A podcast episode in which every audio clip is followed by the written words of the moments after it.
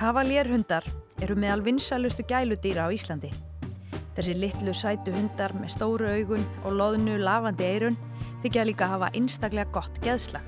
Þeir eru barnelskir, þurfu ekkert allt of mikla reyfingu og svo er sagt þeir gelti minna en aðrir smáhundar. Þetta eru auðvitað frábærir heimilsundar, þetta eru félagslindir hundar og maður skilur af hverju þeir eru vinsælir. Það sem afir árinu hafa 124 kvolpar af tegundinni komið í heiminn hjá ræktendum innan hundaræktarfélags Íslands. Aðeins Labrador og Snáser hafa verið ræktaðir í meira mæli. Raunar hefur verið ræktað jafn mikið að kavalérkvolpum á þessu ári og af sjálfum þjóðarhundinum, íslenska fjárhundinum. En á dögunum bárust stór tíðundi frá Noregi. Hæstiréttur þar í landi komst að þeirri niðurstöðu að ræktun á kavalérhundum var ekkert annað en dýranýð. Kavalérstofnin á heimsvísu var orðin svo innræktaður og veikur að það væri óforsvaranlegt að halda ræktunans áfram. Þetta er náttúrulega skelvileg niðurstöð. Þessi dómuri sem var, að koma út í Nóri, hann er, myndi ég segja, alveg sérstaklega aðtöklisverður fyrir okkur Hjörlandi. Vegna þess að okkar lög um velferð dýra, þau byggjast að miklu leiti á uh, norskri fyrirmynd. Þetta er eiginlega bara, já, mögulega stærstu tíðindi bara síðustu ára í hundaheiminum. Það er búið að rekta hreinlega tegundina þannig að höfukúpan er orðin of lítil fyrir heilan. Það verður ómikið þrýstingur í heilanum og hann leiði niður í mænu. En afleðingarnar eru að hann glýmir við sársöka sem að háir honum. Stór hluti rektunadýra er talið hafa þessa eiginleika. Ég heiti Þóra Tómasdóttir og í dag og á morgun ætla ég að banka upp á í hundaheiminum á Íslandi og ræða nútíma gæludýrahald og siðferði. En hvers vegna þurfum við að rækta kavalérhunda ef þeir eru ekkert sérlega helbriðir? Má ég spyrja þig, hvers vegna þurfum við að rækta íslenska hestin? Ég held að enginn sem að, uh, hefur eitthvað þjóðarstólt um, eð, eða þekkir til myndi spyrja slíkra spurningar. Við byrjum í einbílisúsi í Grafavogi þar sem formaður kavalérklúpsins á Íslandi býr. Það eru hundarnir.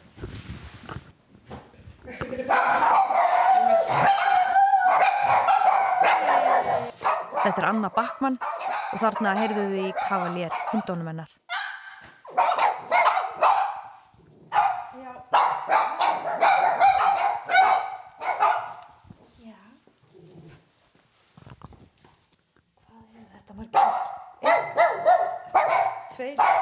fjóri. Ég er með fimm, hérna, já, fimm. Er þetta allt tíkur? Já, ég er engöngu með tíkur heima. Það eru rosalega misstórar. Já, þær eru hérna misgamlar. Þær eru, yngsta er 15 mánuða og elsta sem er hérna eitthvað hún er 10 ára. Svona, hvað er eðli kavalérhunda? Þetta eru náttúrulega selskapshundar og hérna elska að vera nálagt og, og vera í námi við mannfólkið. Þeir, þetta er bara dásanlega tegund. Það leggjast hérna báðar ofan á okkur. Já. Komdu til mín. Já. Þú ert formaður kavalérdeildarinnar. Jú, jú. Hvernig blasir þetta við þér að, að normenn séu farnir að skilgreina þetta sem bara dýra nýð að rækta þessa tegundu hundum?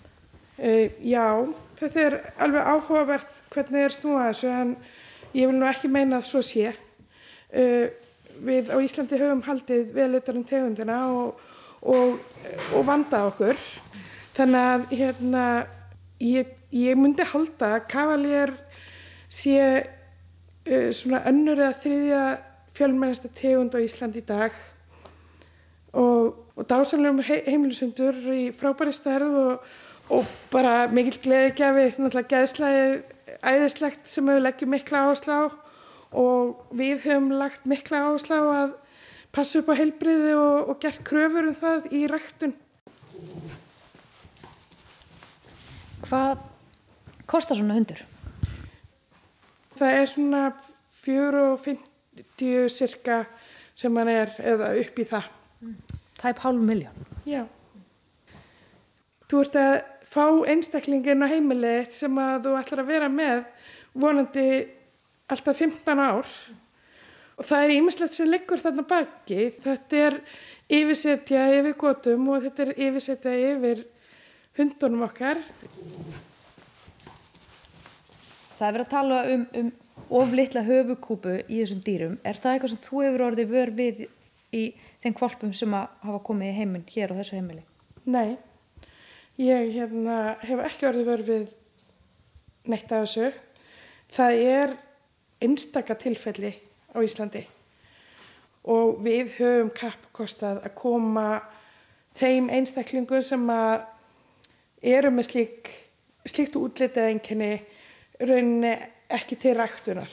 Þetta eru örf á eintök og ég myndi ekki telja að sé eitthvað meira í okkar tegund heldur en einhverjum öðrum og þess vegna finnst mér kannski veið að mjög vinsalli og, og, og góður í tegund án þess að ég tæki nokkra aðra niður. En hvers vegna kemur það okkur við hvað domstóll í Nóri kveður upp um um hundaræktund þar í landi? Þessi dómur í, sem var, að koma út í Nóri, hann er, myndi ég segja, alveg sérstaklega aðteglisverður fyrir okkur Hjörlandi. Vegna þess að okkar lög um velferð dýra, þau byggjast að miklu leiti á uh, norskri fyrirmynd. Þetta er sérgreina dýraleknirinn Þóra Jónastóttir. Hún vinnur hjá Matvælastofnun sem hefur eftirlit með velferð dýra hér á landi.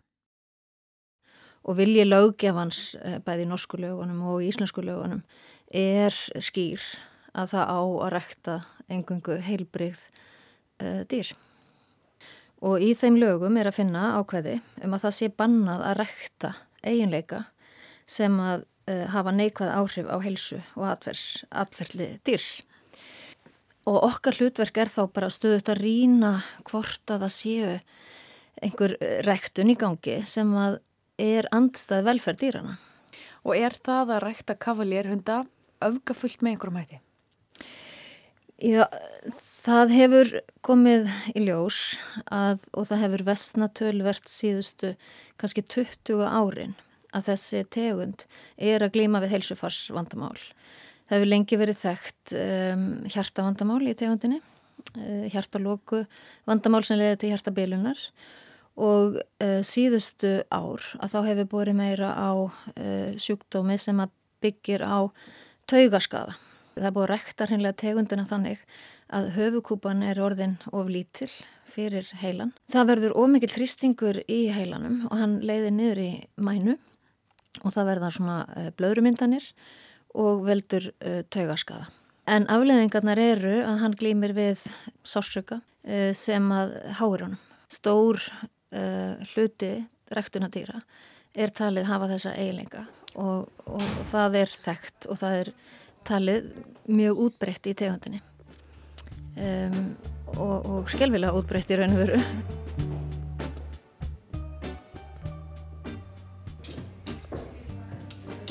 Við erum komin upp í Kópavók, í dýrheima sem er verslun með gæludýrafóður en líka hundaskóli og kaffihús fyrir gæludýr og eigandur þeirra. Hér starfar Theodora Róbersdóttir sem telur dómin í Noregi um að banna ræktun á kavalérundum kólranga leið til að takast á við vanda. Það er kannski mestu friður um bara vinnuhóndinni. Verð náttúrulega með námstíðin á Farnir? Ég sem sagt, eh, er lærður dýrahjókunarfræðingur og er búin að vera í hundaheiminum í ansi mörg ár á öllum sveiðum. Og þú lítir svo á að uh, þessi hæstaréttadómur í Norri séu stór tíðindi eða hvað? Já, þetta er eiginlega bara, já, mögulega stærstu tíðindi bara síðustu ára í hundaheiminum. Hvers vegna? Getur þú útskýrt aðeins fyrir okkur sem ekki erum í hundaheiminum? Já, e, það fór á stað e, eitthvað ferli. Það sem að e, var svolítið bara tilgangurinn að leggja niður ákveðnar tegundir í rættun í Nóri og hérna, og þetta er unni fyrsta skipti þar sem að dómstig fara að skipta sér af rættun dýra yfir höfuð, ekki bara hundum og niðurstaðan svo að það ætti að í rauninni slökkva á hreinræktun kavalýrhunda í Nóri. Það er ennþá leifilt að eiga þessu hunda og flytja þá inn til Nóregs en ekki rækta þá í Nóri. Þannig að nú er þetta rauninni ekki lengur eftirlit með þessu. Theodora telur það mistök að banna hreinræktun á hundunum því það sé að upplugast að leiðin til að hafa stjórn á því hvaða hundar fá að fjölga sér. Þannig sé að stöðla heilbriði með því að para saman fríska hunda.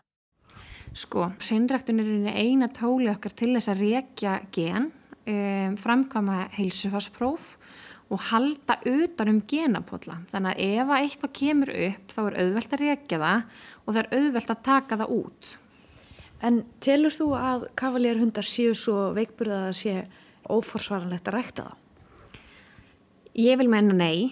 Um, Kaviljárhundar, þegar, uh, þegar þeir eru ræktaði samkvæmt staðili, eru þetta heilbreyðir kröftugir hundar. Og vandamáli er kannski það að nú í rauninni er hægt að rækta utan ættbúka og rækta utan félags, svo kallar svona, hvað sé ég, og að sletta á ennsku bakkjarti brýting. E, þannig að það eru auðvelt að rekta hunda án þess að sé nokkuð eftirlit. En það eru þá hundar án ættbúkar og það eru þeir hundar sem við erum svolítið svona að slást við. Þannig að þarna skiptir líka máli að vera með ábyrga kaupundur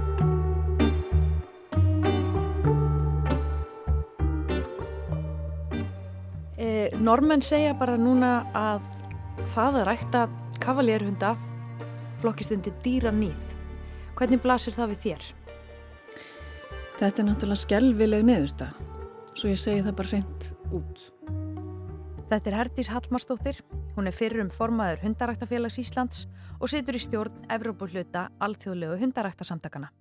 En það sem er kannski svona aðteglisverðast í, í því sem að ég sé í svon dómi að talið er að kavaljer tegundin sé svo veik á heimsvísu mm. ekki bara í Nóri, að það sé óforsvaranlegt að e, halda ræktunin áfram og þá kemur til tals að rækta sagt, inn, hvað maður segja, ferst blóð inn í stopnin. Mm. Hvernig líst þér á það? Það þarf þá að gera um, að vel aðtugðu máli og að upplægi þess uh, hundaræktarfélags sem ber ábyrð á þessu hundakenni. Það er hundaræktarfélagið í Breitlandi, The Kennel Club og þeir eru uh, með mjög gott prógram í þá veru að hérna ná fram meira heilbrigði í hundakinninu. Við verðum líka að virða það að þetta er ekki norsk tegund. Þetta er tegund sem á ættir sínar og uppruna til Breitlands og það er uppruna landhundsins og sá hundaræktafélagi þar í góðu samstarfi við dýralæknarsamfélagið er að reyna að ná utanum til þess að rækta heilbreyðari einstaklinga innan hundakinsins. Og það er mat hundaræktafélagsins í Breitlandi að stopnin sé næjanlega stór til þess að það sé hægt en það tekur tíma og það þarf að sína því ákveðna byðlund og þólinnmæði. Förum aftur til Theodóru í dýrheimum. En eitt af því sem var til umræðu e, í tengslu við þetta máli Norri var hvort að þetta leifa að einhvern veginn fríska upp á stopnin með utanakomandi e, genum. Væri það laust? Sko í þeim tilfellum sem að það hefur verið gerst þá hefur verið kannski með stopna aftegundum til dæmis eins og norska löndahundin sem eru bara stopnar í útrýmingahættu.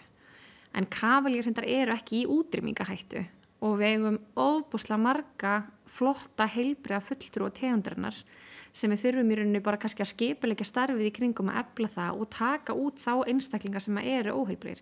En það er ekki hægt nema að vera með kerfi og vera með hrindræktin og vera með ættbökur á þessum dýrum. Þannig að í raunin er já, þessi ákverðun uh, hættulega eftirlitunum til að nú er ekkert lengur eftirlit sem, sem að í raunin tekur utanum þetta heilsufar. Hvað getur sagt okkur frá kavalér samfélaginu á Íslandi? Sko, kavalir hefur verið ræktun hérna á Íslandi í fjöldamörg ár og ég vil eða meina að þetta sé svona meðal vinsætli hundategunda. Þetta eru meðal stærri tegunda kom háru fí. Um, þetta eru auðvitað frábærir heimilsundar, þetta eru félagslindir hundar og, hérna, og maður skilur af hverju þeir eru vinsælir.